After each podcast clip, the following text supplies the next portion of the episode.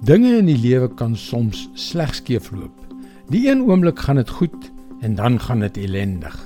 Dit wissel van 'n tyd van oorvloed tot 'n tyd van hongersnood, van 'n tyd van vreugde tot 'n tyd van hartseer.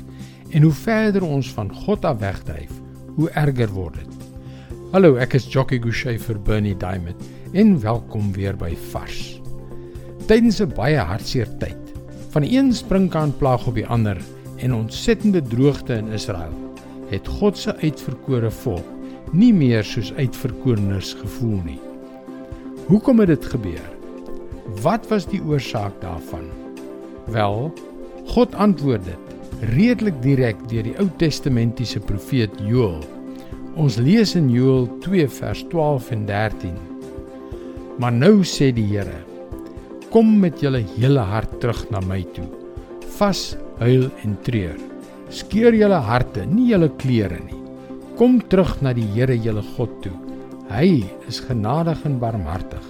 Hy is lankmoedig en vol liefde. Hy is bereid om straf te herroep.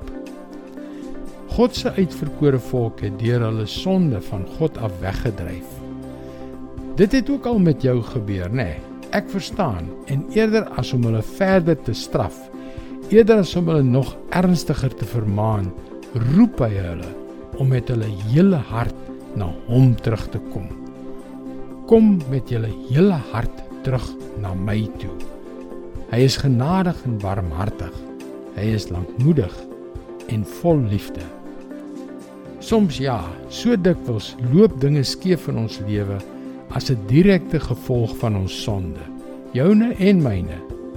Maar wanneer God toelaat dat die gevolge van ons sonde ons tref om ons weer tot ons sinne te bring, is sy doel in sy groot en magtige hart om ons terug te trek na hom toe.